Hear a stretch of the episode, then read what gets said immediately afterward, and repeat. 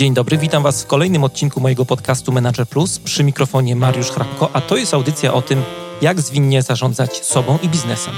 Jeżeli chcecie, żeby coś zmieniło się w Waszym życiu i czujecie potrzebę ciągłego szlifowania swoich umiejętności, zapraszam do słuchania moich audycji.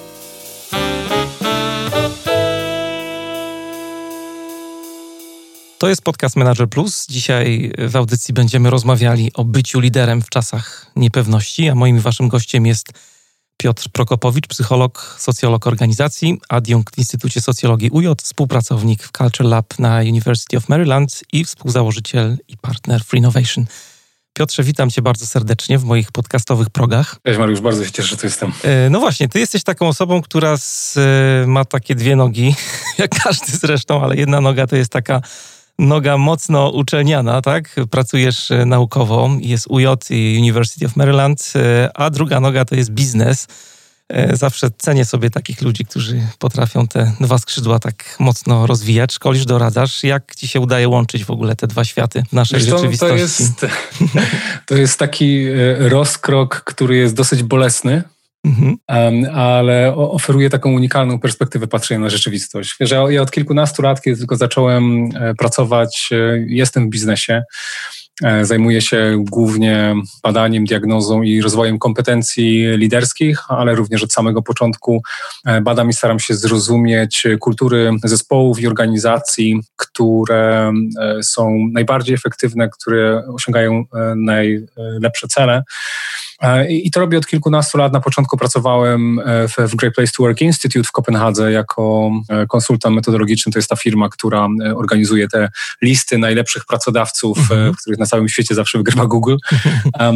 Później założyłem razem ze wspólnikami taką firmę, która też zajmowała się tworzeniem narzędzi do diagnozy dopasowania kulturowego i kompetencji, wykorzystując gry.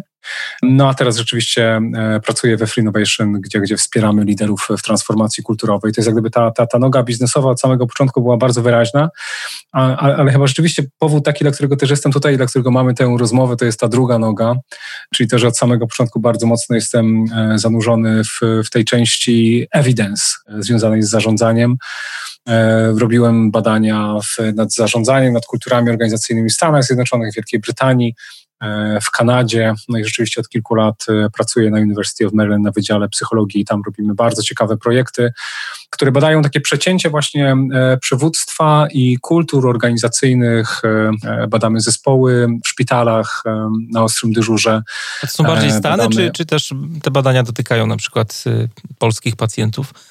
Jak to wygląda? Wiesz co, y, no nie, te, te, te, projekty, które realizuję w Stanach y, y, koncentrują się głównie na, na Stanach Zjednoczonych i, i, i, to są rzeczywiście szpitale amerykańskie. Robimy też taki projekt w marynarce wojennej, gdzie badamy właśnie w jaki sposób liderzy są wpłynąć, są w stanie wpłynąć na kultury swoich zespołów i co odróżnia tych najlepszych od tych, od tych którzy nie dają sobie radę.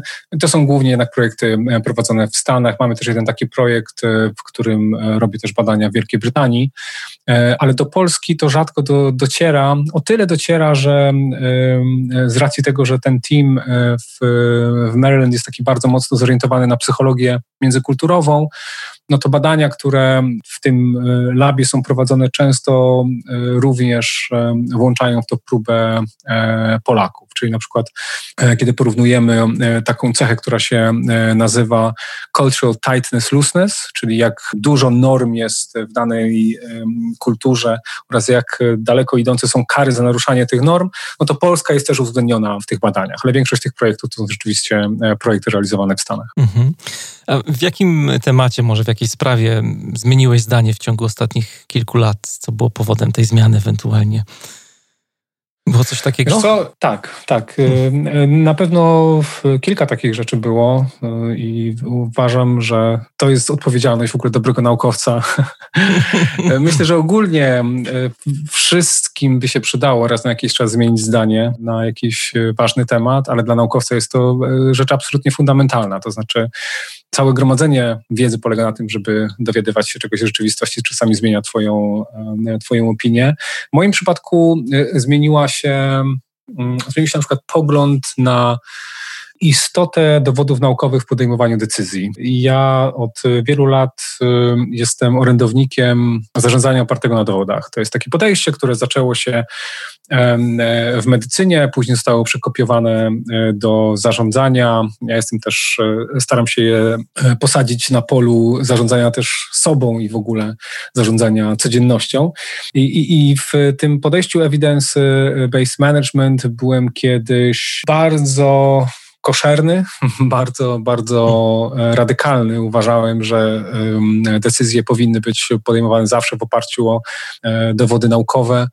I zmieniłem na przestrzeni lat to zdanie, to znaczy cały czas uważam, że, że nauka jest świetnym źródłem dowodów e, przy podejmowaniu decyzji, ale uważam, że e, dobry lider powinien znaleźć balans między szybkością decyzji a wyczerp, wyczerpującą analizą rzeczywistości, że czasami e, szybkość decyzji, podejmowanie błędów i wyciąganie dobrych wniosków jest znacznie ważniejsza niż wyczerpująca analiza literatury i, i, i rozpoznanie w tym, co e, na dzisiaj mają do powiedzenia na ten temat naukowcy.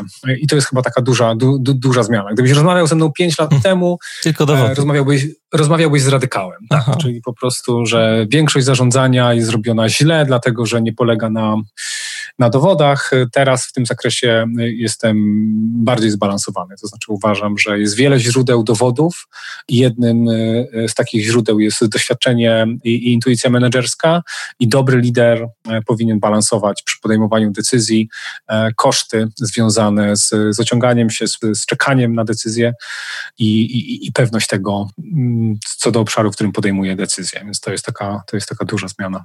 Kilka razy użyłeś słowa lider. Ja tutaj podpytuję e, moich gości od czasu do czasu, jak rozumieją to słowo i jest mnóstwo definicji, jak się pewnie domyślasz. Ciekaw jestem, jak e, to jest u ciebie. Jak definiujesz lidera? Śmie, śmie, śmieję się, bo akurat pół godziny temu skończyłem e, zajęcia ze studentami Aha. na temat leadershipu. um, e, i, jakby mam to bardzo na świeżo. Wiesz co, ja, ja, ja generalnie jestem to taka twoja definicja, nie? Nie musimy Komplikowania, tutaj... tak, tak. Jestem przeciwnikiem komplikowania e, definicji. Dla mnie definicje są taką siecią, którą narzucam na rzeczywistość po to, żeby lepiej ją zrozumieć i, i lepiej podejmować decyzje. Więc dla mnie leadership rozumiany jest z perspektywy e, funkcji. Dla mnie lider e, to jest ktoś, kto mówi jak jest, e, pokazuje, gdzie możemy dotrzeć i wspiera czy to zespół, czy to organizację, czy też naród w dotarciu tam, e, gdzie powinni dotrzeć. Czyli e, z jednej strony jest to taka, taka funkcja zdefiniowania rzeczywistości, z drugiej strony pokazania celu wizji, ale też e, wspierania ludzi w realizacji celu. Jakby taka definicja, która definiuje tę rolę, tę funkcję z tej perspektywy od razu jak gdyby ma, ma w konsekwencji wskazanie na to, jakiego rodzaju kompetencje są z tym związane, czego powinniśmy oczekiwać od liderów, e, a też jest w miarę e, niezależna kulturowo. To znaczy ta, ta funkcja leadershipu jest taka sama bez względu na to, w jakiej jesteśmy kulturze, na którym poziomie e, organizacyjnym.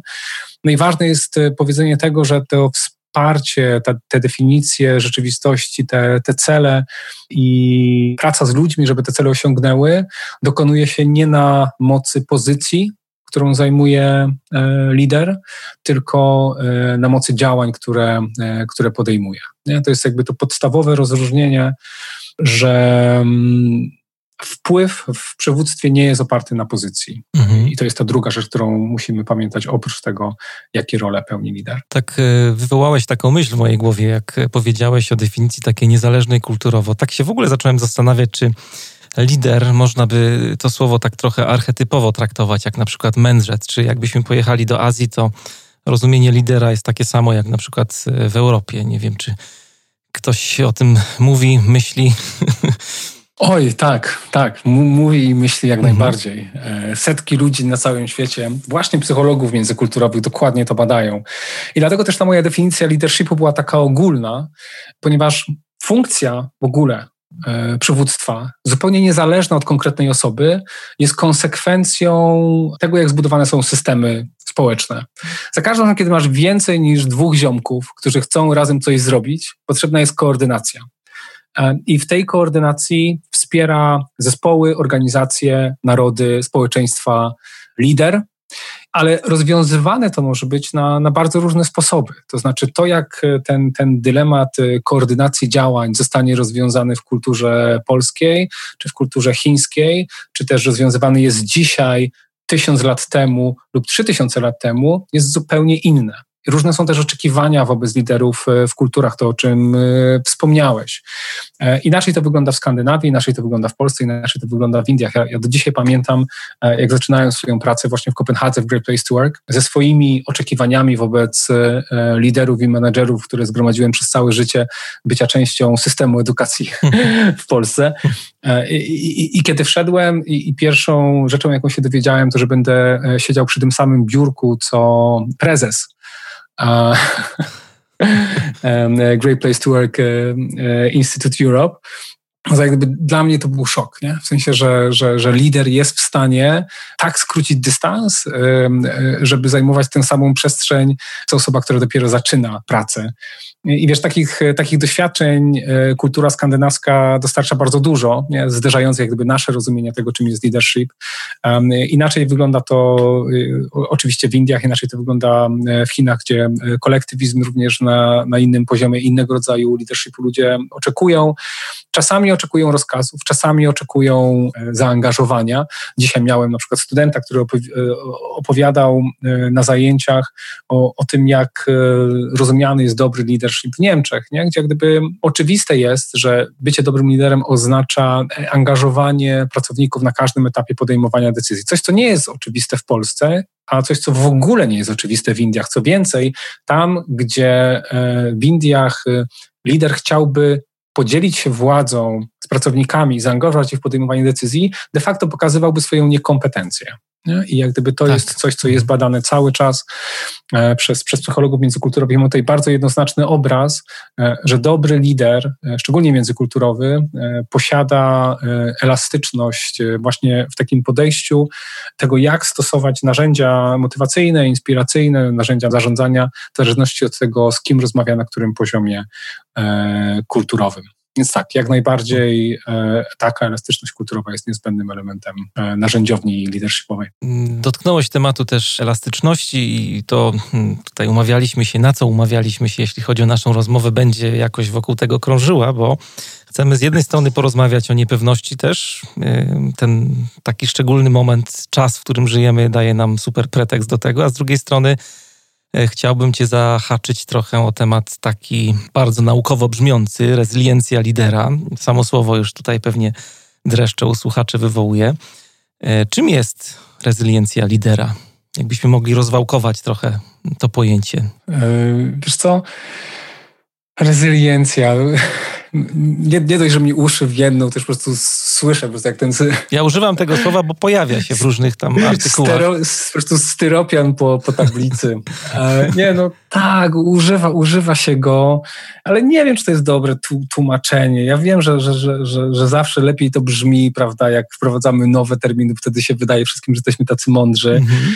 E, I, I rzeczywiście dużo, dużo, dużo osób, które się tym zajmują, używają tego słowa. Nie wiem, czy odporność, czy wytrzymałość, nie byłaby dobrym po prostu tłumaczeniem tego. Nie? Czyli po prostu chodzi, chodzi o, o, sytuację, w której dany system, i tutaj mówimy, możemy mówić o, o, o człowieku, o, pracowniku, ale możemy też mówić o zespole, organizacji, czy nawet znowu o państwie, które jest y, y, odporne na, na wstrząsy, na napięcia, na stresory. Czyli mówimy o sytuacji, w której organizm doświadcza jakiegoś negatywnego bodźca, i nie dość, że sobie z nim radzi, to jeszcze po doświadczeniu tego bodźca wraca do poprzedniego poziomu funkcjonowania mhm. albo nawet wraca do lepszego poziomu e, funkcjonowania. Nie? To jest tak jak zawsze w tej sytuacji, czy cytuję zespół Chamba Wamba, czy po prostu you get knocked down, but you get up again i to jest definicja e, rezyliencji. Mhm. I nie ma tak, że istnieje jakikolwiek system, lider czy zespół, który nie doświadcza przeciwności. Nie? Co więcej, e, jeśli nie doświadczasz przeciwności, to de facto nie uodparniasz się na przyszłe wstrząsy. Wielu ludzi, wielu naukowców, wielu epidemiologów na przykład komentuje to, co doświadczamy w tym momencie, jeśli chodzi o e, pandemię COVID-19, e, że de facto to może być bardzo dobra szczepionka przeciwko prawdziwym pandemiom, które przyjdą w przyszłości. że biorąc pod uwagę to, jak mocno uderzył nas ten kryzys, i porównamy to z tym, jak mógł nas uderzyć, jeśli by to była e, choroba o na przykład dużo e, gorszym wpływie na populację, albo o znacznie wyższej śmiertelności, albo o wyższej zarażalności, coś, co może przyjść w przyszłości, to ten kryzys de facto uodporni nas na ten e, przyszły kryzys, który prędzej czy później nadejdzie. I to jest prawda, jeśli chodzi o, o sytuacje, których doświadczamy indywidualnie, ale również jako, jako zespoły, jako kultury, że wprowadzenie tego rodzaju stresorów, które kontrolujemy, de facto nas y, wzmacnia. Jest taka bardzo dobra mm, historia y, związana z, z parkiem Yellowstone. 25 lat temu do parku Yellowstone wprowadzono wilki. Rozpoznano po prostu, że, że ekosystem e, Yellowstone został zaburzony przez to, że wilki e, zniknęły i w jakiś sposób e, ekosystem zaczął degenerować. Wprowadzono wilki w założeniu, że w ten sposób zrównoważymy ekosystem i w nadziei, że w jakiś sposób uda nam się go uratować. Okazało się, że wprowadzenie tych wilków 25 lat temu przez taki efekt lawinowy doprowadziło do nieprzewidzianych pozytywnych konsekwencji. Pojawienie się wilków sprawiło, że e, inne zwierzęta, do tej pory rozleniwione nieobecnością e, drapieżników, e, zaczęły eksplorować inne części parku. Zaczęły hmm. przenosić się na wyższe części parku, po prostu w góry. Co za tym poszło? Zostawały coraz silniejsze osobniki, wzmocniły się e, populacje i innych zwierząt. Wzmacniały się również brzegi rzek.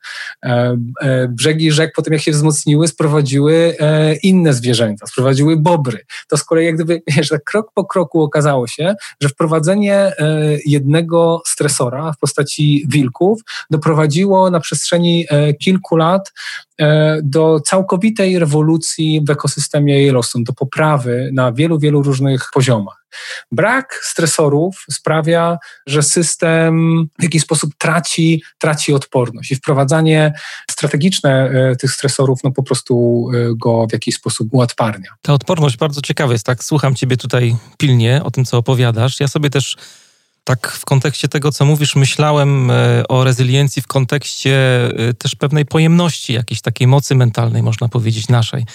I to jest ciekawa rzecz, bo e, jakby ty pokazałeś, że sytuacja, z którą się mierzymy teraz, może nas wzmocnić, może wzmocnić naszą rezyliencję jako liderów, ale z drugiej strony to jest też coś takiego, co chyba nie da się nauczyć do końca, nie? To, to jest taka, mm, taki zestaw takich zachowań, czy może reakcji, które trzeba budować bo ta moc mentalna może wynikać też, nie wiem, z naszego jakiegoś e, poczucia własnej wartości, pewności siebie. To są takie rzeczy, które gdzieś tam w nas narastają przez lata. To może być kwestia wychowania też, jacy jesteśmy, światopoglądu naszego, jak to wszystko się nam kształtowało, także duchowości. Ja używam tego słowa duchowość często, ale rozumiem to trochę inaczej niż religijność. Bardziej to jest dla mnie taka eksploracja siebie, samoświadomość, y, czy nawet poszukiwanie jakiegoś sensu. sensu u różnych ludzi różnie to wygląda, ale gdzieś to jest coś takiego, co przyrasta, jakby te, ta moc mentalna, zwłaszcza w takiej sytuacji, jaką mamy teraz, to jest taki czas,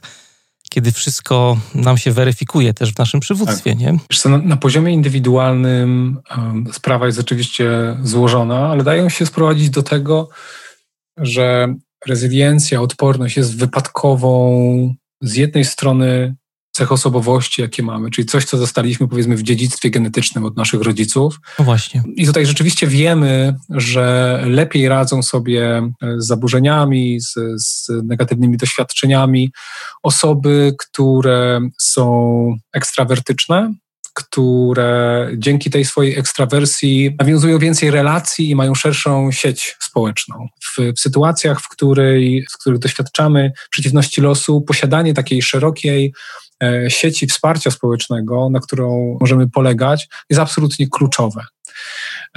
Z drugiej strony wiemy, że y, osoby, które mają wysoką stabilność emocjonalną, to jest taka kolejna cecha osobowości, która też w dużej mierze jest determinowana przez dziedzictwo genetyczne, hmm. również jest znacząca. Nie? Po prostu niektóre osoby mają osobowość, która z jednej strony jest bardziej otwarta na innych, a z drugiej strony posiada jak gdyby wyższy, wyższy poziom pozytywnego afektu, mówią psychologowie, czyli po prostu częściej czują pozytywne emocje niż negatywne i ten bufor pozytywnych emocji plus bufor relacji z innymi pozwala im lepiej przejść przez wszelkiego rodzaju turbulencje. Ale to nie jest tak, że y, rodzisz się odporny i już pozamiatane. I de facto po tak. prostu później już tylko proces ewolucyjny decyduje, kto przeżywa, a kto nie przeżywa. Bo są konkretne zachowania, które y, można wdrażać, które zwiększają prawdopodobieństwo tego, że rzeczywiście staniesz się odporny. Jedną z takich, z takich rzeczy, i to chyba w jakiś sposób też naturalnie przechodzimy do tematu przywództwa, i, i jest budowanie szerokiej gamy mechanizmów e, radzenia sobie z rzeczywistością, ale też szerokiej gamy kompetencji. I, I to może brzmieć abstrakcyjnie, ale mam nadzieję, że za chwilkę sobie pogadamy o wszystkich konkretnych sytuacjach, w których to ma e, Jasne. znaczenie. Tutaj jest e, dobrą metaforą do, do użycia jest znowu ekosystem, ale taki ekosystem, który jest odtwarzany w procesie rolnictwa w ogóle nie wiem na ile, na ile to jest oczywiste, ale kultura jako słowo, jakbyś sięgnął do absolutnie do, do, do trzonu tego, czym jest kultura, e, no to etymologia tego słowa związana jest z rolnictwem. Kultura to jest e, oryginalnie uprawa roli, więc jakby tu mamy cały szereg inspiracji z tym, z tym związanych, który może nam pomóc myśleć w kategoriach tego, które uprawy są odporne, a które nie są odporne. I to jest bardzo ciekawa analogia w ogóle do, e, do praktyki liderskiej i do kultur organizacyjnych. No bo jak patrzysz na rolnictwo, e, to masz jakby dwie główne filozofie uprawiania rolnictwa. Jedno to jest e, oparte na monokultury, a drugie oparte na polikulturach. W monokulturach masz jeden e, rodzaj upraw na, na danym polu i monokultury są bardzo wydajne. Okay? Polikultury, gdzie masz różnego rodzaju um, uprawy na danym terenie, nie są tak wydajne, ale mają jedną zaletę, są odporne na stresory, odporne na zakłócenia. Czyli masz takie zderzenie wydajności, jedna rzecz w jednym miejscu i prowadzi to do tego, że jakby masz bardzo wysokie profity e, z takiego rodzaju uprawy, ale z drugiej strony szybko się ziemia wyjaławia i jest bardzo mało odporna na e, zaburzenia w środowisku. Z drugiej strony masz polikultury, czyli zróżnicowanie upraw, które może nie jest tak wydajne, ale znacznie dłuższej perspektywie czasu jest w stanie przynieść Ci korzyści. To jest bardzo dobra analogia do też strategii budowania osobistego zakresu narzędzi I, i, i, kompetencji. Nieważne, czy dla lidera, czy dla każdej osoby, która myśli e, w perspektywie takiego osobistego e, rozwoju. Kryzys uświadamia nam, że warto być generalistą, że warto mieć kompetencje z różnych obszarów, ponieważ różnorodność uodparnia nas na zniekształcenia. Ponieważ jeśli przynosi, przychodzi kryzys, a my mamy te przysłowiowe jajka w różnych koszykach i część z nich się zniszczy, to zawsze mamy tę inną część, na której możemy e, budować. Zaczynając od takich bardzo prostych rzeczy, e, e, jeśli masz kompetencje w różnych branżach i część z tych branż jest dotknięta kryzysem, to wiesz, że zawsze możesz się zahaczyć w innej branży. Jeśli koncentrujesz się na rozwoju swoich kompetencji liderskich, ale nie zaniedbujesz swoich kompetencji, nie wiem, technologicznych, swoich kompetencji związanych, nie wiem, z pisaniem, to pokazuje, okazuje się bardzo szerokie spektrum rzeczy, które możesz zrobić e, w kryzysie. I długofalowo różnorodność, która cechuje odporne systemy ekologiczne, odporne systemy kulturowe, odporne systemy społeczne, tak samo charakteryzuje strategię nabywania kompetencji i budowania narzędzi radzenia sobie ze stresem w przypadku pojedynczych osób i pojedynczych liderów. Czyli taki lider na kształt litery T trochę, tak? Z szerokimi kompetencjami interdyscyplinarny, można powiedzieć, lider wszechstronny. Absolutnie, ja w ogóle uważam, że y, to takie przekonanie, że specjaliści nas zbawią, y, które jest jak gdyby konsekwencją tego, jak zorganizowany jest w ogóle współczesny system ekonomiczny, y, jest błędne. To mhm. znaczy, że, że, że, że to generaliści sprawiają, że jesteśmy odporni na zniekształcenia, a, a specjaliści sprawdzają się w sytuacji takiej stabilizacji, nie? kiedy mamy jasny, jasny podział zadań, każdy robi, każdy robi swoje, ale kiedy uderza w nas y, kryzys, okazuje się, że umiejętność właśnie łączenia różnych dziedzin i, i, i różnorodność kompetencji, które posiadamy, uodparnia nas na tego rodzaju szoki. Mhm. Więc absolutnie zgadzam się z taką wizją właśnie lidera. Zresztą też nie, nie, to nie jest tylko jakaś moja opinia, której nie opieram na niczym, poza jak gdyby e, długim doświadczeniem pracy z takimi liderami, którzy e, radzą sobie właśnie dobrze dzięki temu, że mają szeroko zbudowany zakres kompetencji. To są takie e, bardzo ciekawe badania prowadzone w amerykańskiej armii. To profesor Hanna w 2013 robił takie badania, gdzie, gdzie pokazywał, że liderzy, którzy mają najbardziej złożoną koncepcję siebie, to znaczy widzą siebie zarówno jako, jako liderów, jako menedżerów, jako osoby wspierające, jakby przez cały szereg ról. Różne kapelusze zakładają, tak? Dokładnie. I im więcej ich widzą na sobie, tym lepiej sobie e, radzą i bardziej dynamicznie radzą sobie zarówno w sytuacjach e, symulacji e, wojskowych, jak i w rzeczywiście już w konkretnych sytuacjach, które stawia przed nimi życie. Więc jak gdyby wiemy, że im bardziej złożona taka koncepcja siebie, im więcej mają tych kapeluszy i im wyższa tolerancja niepewności u lidera, tym lepiej radzi sobie z niepewnymi sytuacjami, z sytuacjami, które wymagają od niego szybkiej, szybkiego podejmowania decyzji i e, adaptacji do środowiska. No a jak jest z tą niepewnością? My teraz y, rozmawiamy w takim czasie już, kiedy ten szok taki związany z COVID-em trochę opada y, w różnych tam obszarach, coraz jakby ludzie się bardziej otwierają, ale było sporo takich rozmów, ty też udzielałeś takich wywiadów, kiedy rozmawialiście na temat liderów w czasach niepewności, w czasach kryzysu. Ja miałem takie przemyślenie, o czym już Ci trochę też mówiłem wcześniej, że ten cały COVID spowodował y, taką rzecz bardzo pozytywną, jeśli chodzi o przywództwo, bo y, pokazał wielu liderom, że to nasze życie takie przywódcze, zarządcze wcale takie przewidywalne nie jest. Nie? Jednak w naszym świecie, tak jak Taleb zresztą pisał w Czarnym Łabędziu, E, dominują takie zdarzenia skrajne i, i, niepewne, i trzeba się trochę odkleić od e, tej takiej powtarzalności naszej codziennej. E, I myślę, że cała ta sytuacja i też nasza rozmowa tutaj, ten temat, który z Tobą zacząłem, dotyka mocno jednak tej rzeczywistości takiej, nazwijmy to, postpandemicznej. Ja sobie sięgnąłem do książki Zygmunta Baumana, którą pewnie znasz doskonale. Będzie to dla Ciebie oczywista oczywistość, ale płynna nowoczesność e, i on tam takie zdanie sobie wynotowałem, że niepewność, która w epoce nowoczesności była takim stanem przejściowym, takim stanem możliwym trochę do przezwyciężenia, stała się, a tutaj możemy sobie trochę to sparafrazować, czy stanie się takim przykrym i nieusuwalnym elementem tego okresu postpandemicznego. On mówił o ponowoczesności, ale można sobie to zamienić. Ciekaw jestem, co myślisz na ten temat. Tak, y, niepewność jest wypadkową złożoności i nieprzewidywalności. Mhm.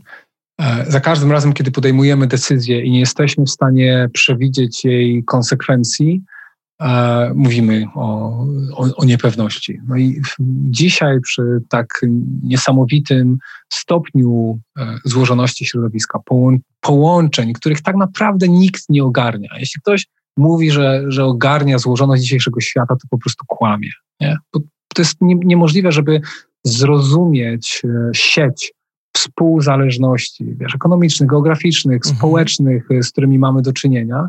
Więc de facto decyzje, które podejmujemy bardzo często, e, nie, zawsze cechują się dzisiaj szczególnie niepewnością. Ale z drugiej strony, ja też bym nie przesadzał w budowaniu jakichś takich bardzo efektownych opozycji między tym, co jest, nie wiem, dzisiaj, co było rok temu, co będzie za dwa lata po, po pandemii, czy było 30 lat temu. Wiesz, kiedy, kiedy, kiedy poczytasz artykuły w magazynach 30 lat temu, ba, poczytasz artykuły z początku XX wieku, zobaczysz, że niepewność jest tematem dzisiaj, tak jak była tematem 100 lat temu. Tutaj naprawdę dużo się nie zmieniło. To nie było tak, że 100 lat temu gazety pisały o tym, jak świat jest uporządkowany, zrozumiały i wszyscy wiemy, co będzie za chwilę bo nigdy nie wiemy, co będzie za chwilę. Przyszłość z definicji jest nieprzewidywalna, a, a z drugiej strony jest to doświadczenie tak uniwersalne, że wszyscy w każdym momencie historycznym e, jej doświadczali. I tutaj znowu wchodzi lider, czy też przywództwo jako, jako funkcja, e, bo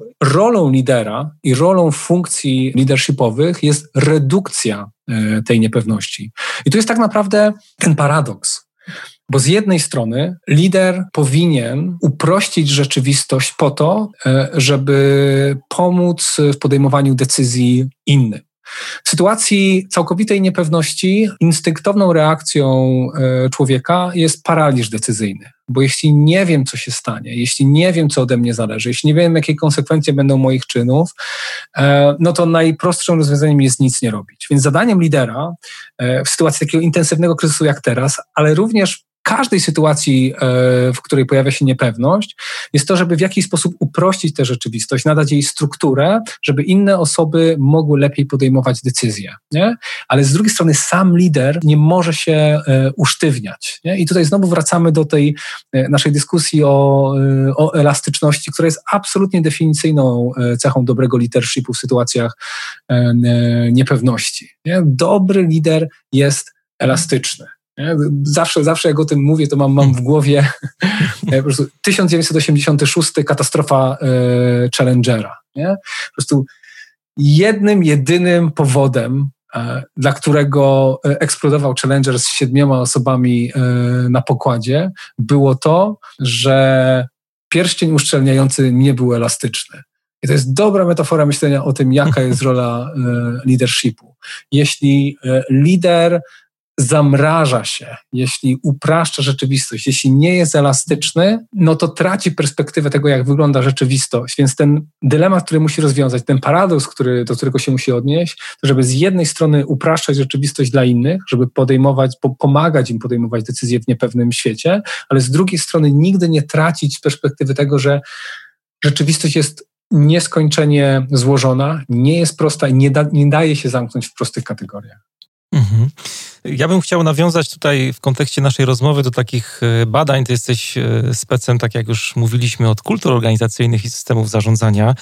E, badań, które były przeprowadzone przez Gerta Hefstede, takiego holenderskiego psychologa społecznego. Zresztą zmarł kilka miesięcy temu, mm, w lutym chyba, niedawno. I on prowadził takie badania dla pracowników firmy IBM z różnych krajów. W zasadzie te różnice kulturowe były tam widoczne i ciekawe były różnice w podejściu pracowników do takich, można powiedzieć, uniwersalnych zagadnień, jak na przykład kwestia, nie wiem, władzy albo płci, ale był tam też jeden element, dlatego do tego nawiązuje, który dotykał podejścia do niepewności. I ta niepewność była tam definiowana jako taki poziom czy, czy stopień zagrożenia, który jest odczuwany przez e, ludzi z danej kultury, członków danej kultury na sytuacje nowe, nieznane, niepewne, na to wszystko, co, e, z czym teraz się mierzymy, można powiedzieć. E, mógłbyś parę słów powiedzieć na ten temat? Co to oznacza w praktyce dla nas, dla liderów? Pewnie, pewnie. I, I, to jest o tyle ciekawa dyskusja, bo możemy o tym unikaniu niepewności e, mówić zarówno na poziomie rzeczywiście kulturowym, jak i na poziomie indywidualnym. E, I to znowu jest fundamentalna kwestia dla dobrego e, leadershipu. Tak jak wspomniałeś, Hofstede robił te badania na przełomie lat 60. i 70. w różnych oddziałach IBM-a. To był taki długi kwestionariusz, który badał wartości, jakie posiadają pracownicy w różnych e, oddziałach na całym świecie. E, no i Hofstede później e, zrobił tak, taki sprytny myk, czyli zrobił na wynikach tych badań analizę czynnikową, czyli starał się zidentyfikować taką ukrytą strukturę danych, które są w stanie zredukować ileś tam pytań dotyczących wartości do kilku wymiarów, które wyjaśniają różnice międzykulturowe. No i rzeczywiście kilka takich wymiarów e, zidentyfikował. Dystans władzy, indywidualizm to są takie uniwersalne rzeczy, o których często rozmawiamy, ale tak jak mówię, że jednym z tych wymiarów było to unikanie niepewności, i, I on definiował to jako y, sposób, w jaki osoby z różnych kultur radzą sobie z tym, że przyszłość jest niepewna i nigdy nie jesteśmy w stanie przewidzieć, co nam y, przyniesie. Niektóre kultury reagują na to w ten sposób, że po prostu akceptują tą niedookreśloność. Nie czują się zagrożeni przez kilka pojęć, które są wewnętrznie sprzeczne. Nie, nie, nie wywołuje to u nich tego e, napięcia.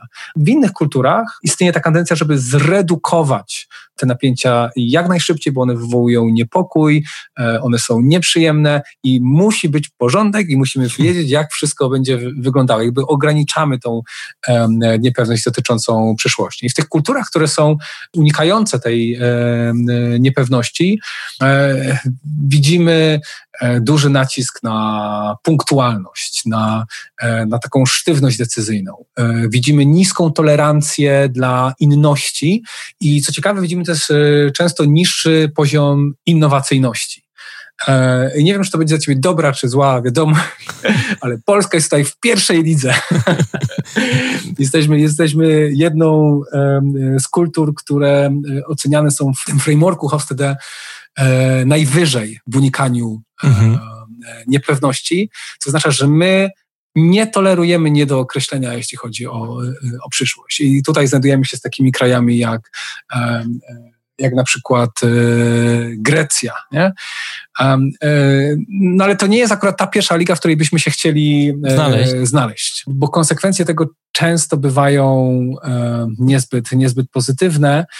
I tutaj też chciałbym uniknąć takich uproszczeń, że tego rodzaju jakby różnice kulturowe przekładają się na indywidualne, bo jak gdyby jednym z takich krytycyzmów tego modelu Hofstede jest to, że jak gdyby bierze i na podstawie jakiejś próbki mówi, jaka jest kultura całego kraju, a przecież w obrębie kraju mamy różne organizacje, różne branże, zupełnie inną kulturę e, ma branża, nie wiem, informatyczna e, niż branża energetyczna, ale na pewno coś w tym jest. Znaczy, no właśnie, to jest tak, jak że, pojechałeś, że kraje... mówiłeś, że pojechałeś do Kopenhagi i Dokładnie. prezes siadł koło ciebie na przykład, nie? Dokładnie, dokładnie. Więc, więc w tym zakresie rzeczywiście możemy oczekiwać, że przedstawiciele różnych branż z, z danego kraju będą miały jakiś taki wspólny czynnik, e, który hmm. jeśli chodzi o unikanie niepewności, sprowadza się właśnie do tego, do tego dyskomfortu z innością, z nowością, z nieprzewidywalnością, co jest szczególnie niebezpieczne w przypadku leadershipu. Nie? Porozmawiamy trochę może o tych y, takich kompetencjach, już zacząłeś mówić y, w kontekście niepewności lidera. E, mówiłeś o wszechstronności, mówiłeś o elastyczności. Czy do tej listy chciałbyś dodać jeszcze jakieś takie e, skille, które powinny być w wachlarzu kompetencji każdego takiego współczesnego lidera? Pewnie, bo ta elastyczność, y, o, o, której już kilka razy tutaj rozmawialiśmy, y, musi być w pewnym zakresie. To mhm. znaczy, bo to, bo to brzmi tak bardzo ogólnie, ale są tak naprawdę konkretne y, sytuacje, w których ta elastyczność się musi u, una, unaoczniać. I na przykład jedną z takich rzeczy, o których dużo y, rozmawiam ostatnio z, z liderami, jest to, jak zachowywać się w sytuacji e, niepewności, jeśli chodzi o to napięcie między, e, między prawdą a nadzieją. Napoleon bodajże zdefiniował właśnie rolę lidera jako kogoś, kto definiuje rzeczywistość i daje nadzieję. No ale pytanie, gdzie jest ten sweet spot? Hmm. Czyli, czyli liderzy powinni z jednej strony nauczyć się komunikować z transparencją, mówić jak jest, ale z drugiej strony nauczyć się, w jaki sposób dawać nadzieję na przyszłość, w jaki sposób budować wizję, za którą ludzie chcieliby pójść. Jak gdyby i tutaj znowu e, próba tej e, elastyczności i złapania takiej równowagi polegałaby na tym, żeby dawać tą nadzieję, która oparta jest na rzeczywistości, nie? która oparta jest na, na dowodach. Nie? Nadzieja oparta na dowodach. To byłoby takie rozwiązanie tego, tego dylematu. Polubowne. E, tak, czyli z jednej strony masz elastyczność, z drugiej strony to jest coś takiego, co nazywa się w takiej praktyce E, leadershipowej i też literaturze, która na ten temat powstaje, oburęcznością lidera. Gdy masz tak naprawdę dylemat, czy dawać e, więcej wolności pracownikom, czy bardziej e, trzymać ich za rękę i mikrozarządzać. Nie? To mhm. jest taki bardzo konkretny dylemat, z którym muszą sobie poradzić liderzy. E, no to po pierwsze, e, tak jak już wspominaliśmy, lider musi być elastyczny, czyli między tymi e, dwoma końcami kontinuum płynnie się przerzucać czasami, nie? Bo znowu sytuacja jest dynamiczna, nie? Weźmy pod uwagę kryzys. Na samym początku, kiedy kryzys uderza i jest chaos, i jest niepewność, ludzie nie wiedzą, co robić, no to patrzą w stronę lidera, żeby zapewnił im jakiegoś rodzaju strukturę, wyjaśnienie, co zrobić, co należy w danej sytuacji, jakiego rodzaju działania podjąć, żeby zareagować na ten kryzys. No i tutaj, na tym pierwszym etapie kryzysu, niezbędne jest to, żeby menadżer bardziej pokazywał, co zrobić. Nie? Żeby przez chwilę był mikromanagerem, ale tylko przez chwilę. Nie? Problem mhm. polega na tym, że za chwilę, kiedy sytuacja się bardziej stabilizuje, menadżer musi się nauczyć wycofywać e, z tej takiej interwencyjnej roli. I tutaj mówimy o, o, o tej elastyczności. Ale czasami w jednym konkretnym momencie lider musi um, pokazywać zachowania z obydwu tych e, obszarów, czyli musi jednocześnie e, dawać strukturę i jednocześnie oddawać wolność.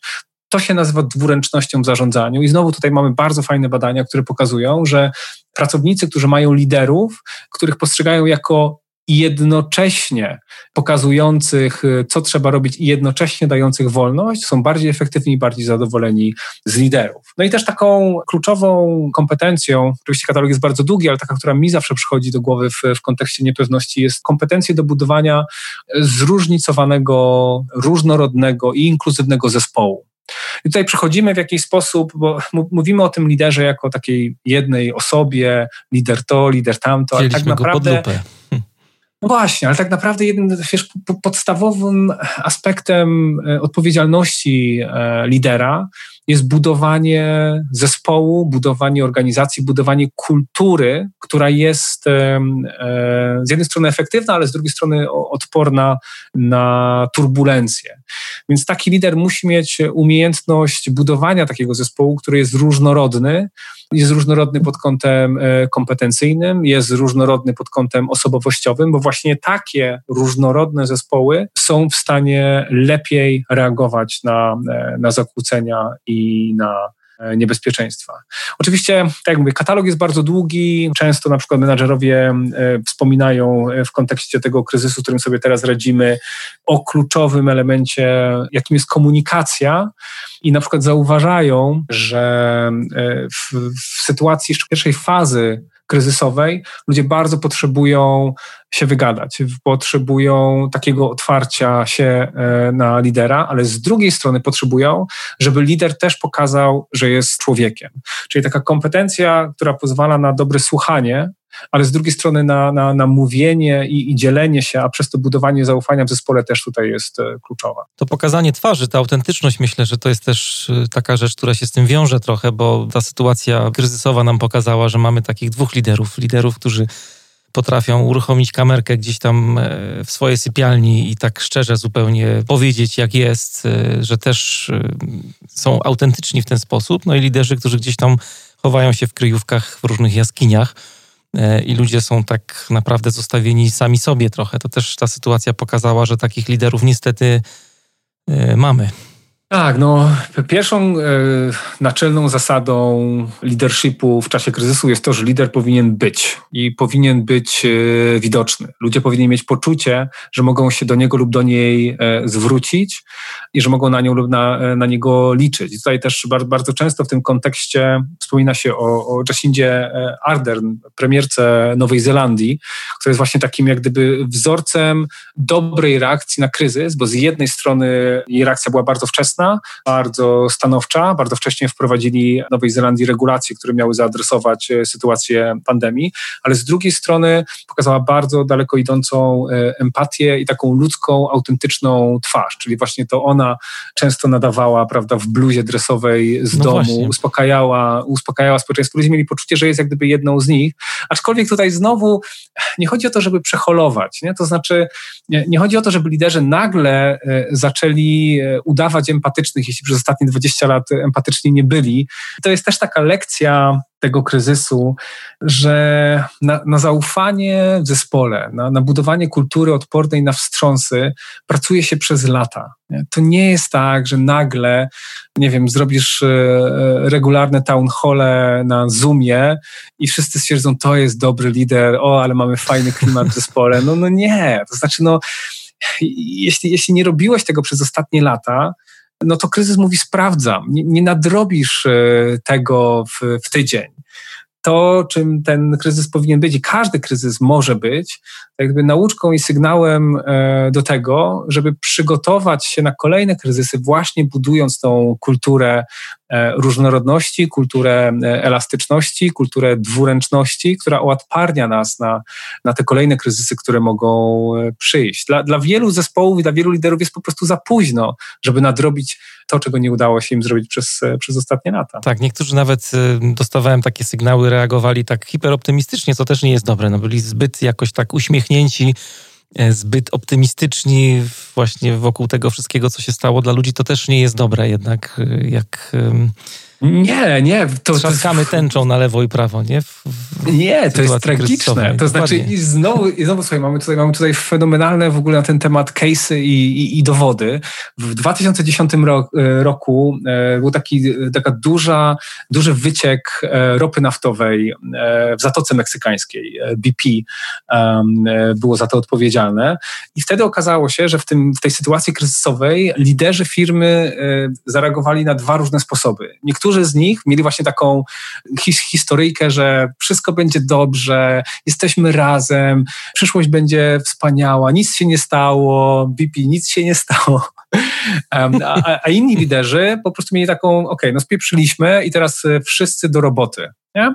I e, badacze weszli do, do BP, obserwowali, e, jaki jest wpływ tych dwóch e, filozofii komunikacyjnych na to, jak radzą sobie pracownicy z wyzwaniami, kto jest bardziej efektywny. I okazało się, że pracownicy, którzy słyszeli tą taką różową, tęczową historię na temat tego, że nic się tak naprawdę nie działa, przyszłość jest wspaniała, zanotowali najwyższy stopień wypalenia zawodowego, odchodzili z pracy i spadała ich efektywność w porównaniu do tych, którzy jak dostali solidną mieszankę e, brutalnej prawdy e, połączonej z konkretnymi zadaniami, które trzeba zrobić, żeby tę sytuację e, rozwiązać, to dla nich jak gdyby sytuacja stała się jasna i to oni byli zaangażowani, to oni osiągali wyższe poziomy efektywności niż ci, którzy mieli liderów udających, że nic się nie stało. Mhm. Ja tak jeszcze zmierzając powoli do końca naszej rozmowy, chciałbym zamknąć nasz temat takim trzecim poziomem, trzecim wątkiem, który się tutaj przewija cały czas bo mówiliśmy dużo o liderach, wzięliśmy pod lupę przywództwo, mówiłeś później o relacjach, o zespole, o budowaniu zespołów. Chciałbym jeszcze wejść na poziom organizacji, twój konik, y, kultura organizacyjna. Jak y, cała ta niepewność, zmienność, brak stabilności odnosi się do organizacji? Co organizacja może z tym zrobić też? To jest pewnie najbardziej złożony, ale też chyba e, bardzo ciekawy aspekt odporności, nie? czyli odporność systemu y, organizacyjnego.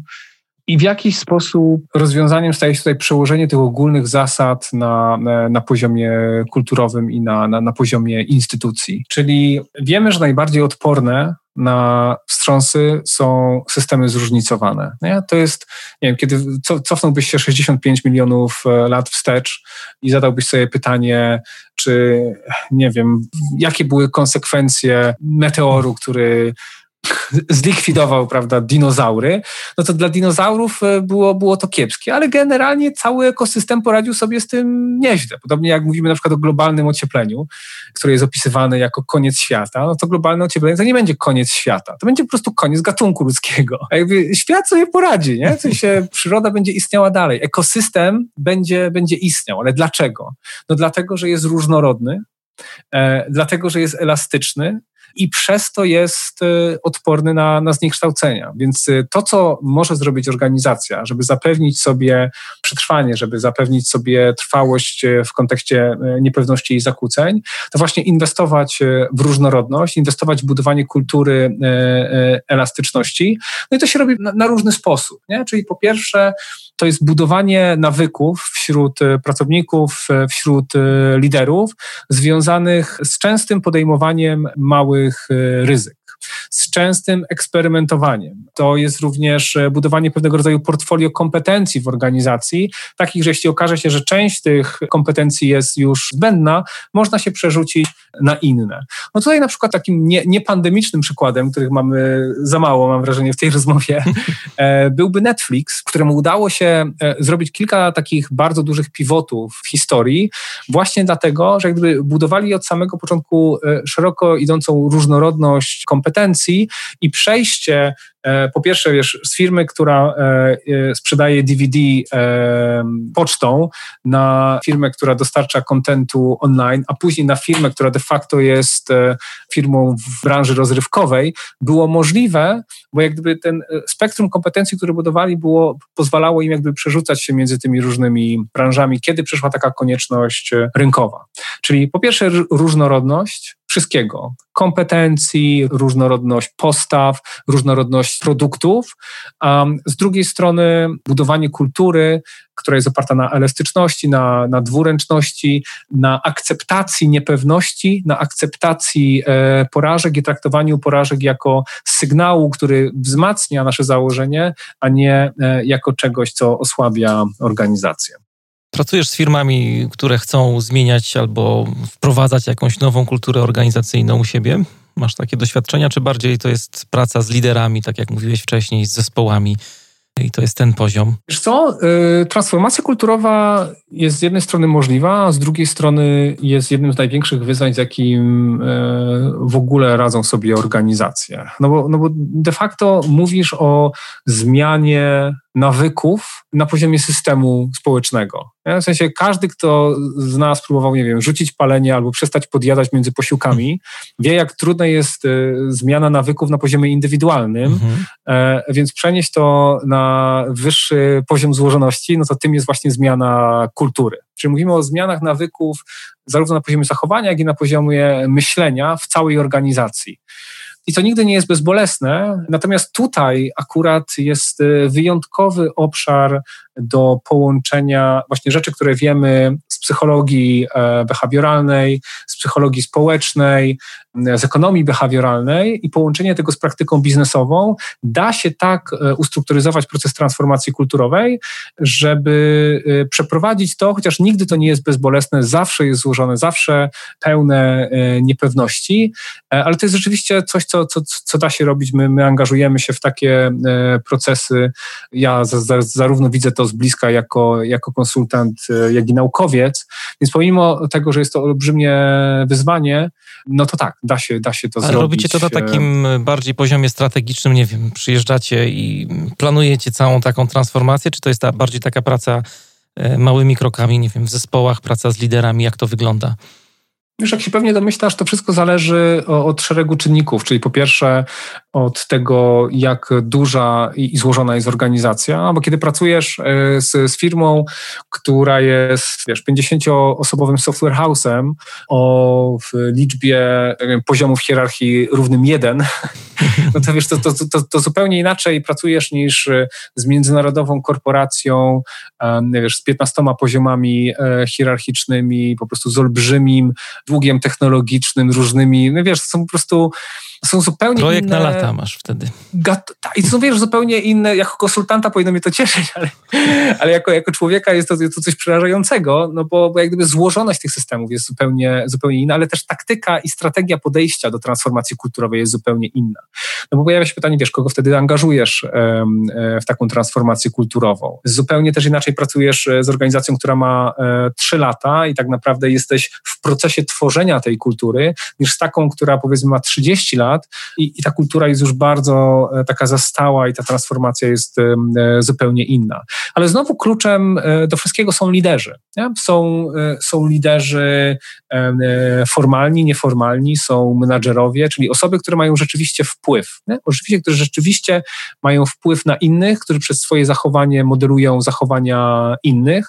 No bo ostatecznie musisz sobie zadać to pytanie, dlaczego ludzie zachowują się tak, jak się zachowują? Fundamentalne pytanie dla, dla nauk społecznych, dla psychologii, i odpowiedź, pomimo tego, że jej konsekwencje są trudne, to sama odpowiedź jest dosyć prosta. Wiemy, że ludzie się zachowują tak, jak się zachowują po pierwsze dlatego, że inni się tak zachowują. To jest jeden z podstawowych w ogóle mechanizmów, nie? Mhm. Czemu, czemu jak teraz wychodzę na, e, na zewnątrz, to widzę ludzi, którzy maskę noszą tylko na brodzie?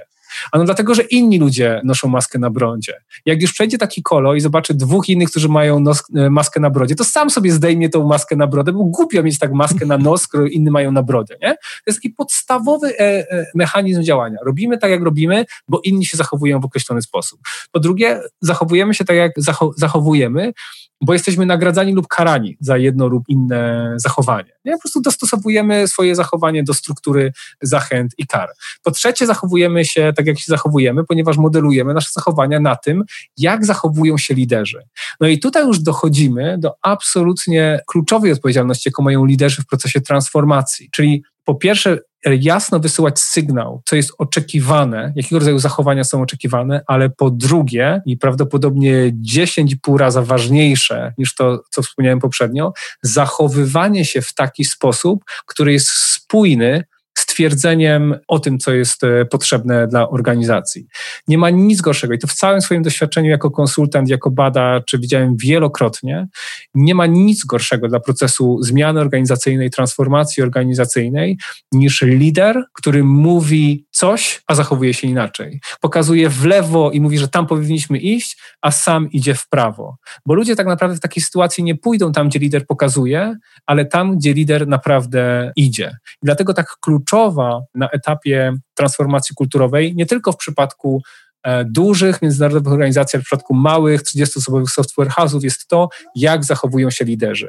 Formalni menadżerowie, ale również nieformalni, którzy mają największy wpływ na organizację. No, jest taki bardzo fajny cytat, tak jak cię słucham, przypomniało mi się z książki Fredrika Lalu Pracować inaczej, taki polski tytuł jest, że organizacja rozwija się tak bardzo, jak pozwalają jej na to liderzy. Jakby granice rozwoju lidera są granicą rozwoju organizacji. To tak a propos tego, co mówisz tutaj.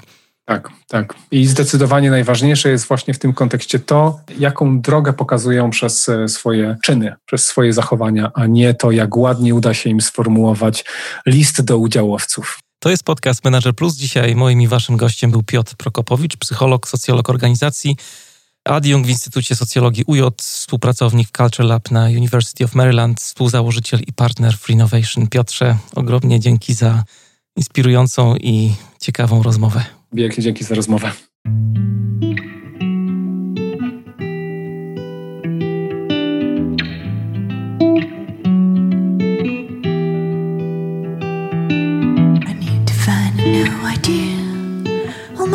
to be so caring. A new that's why I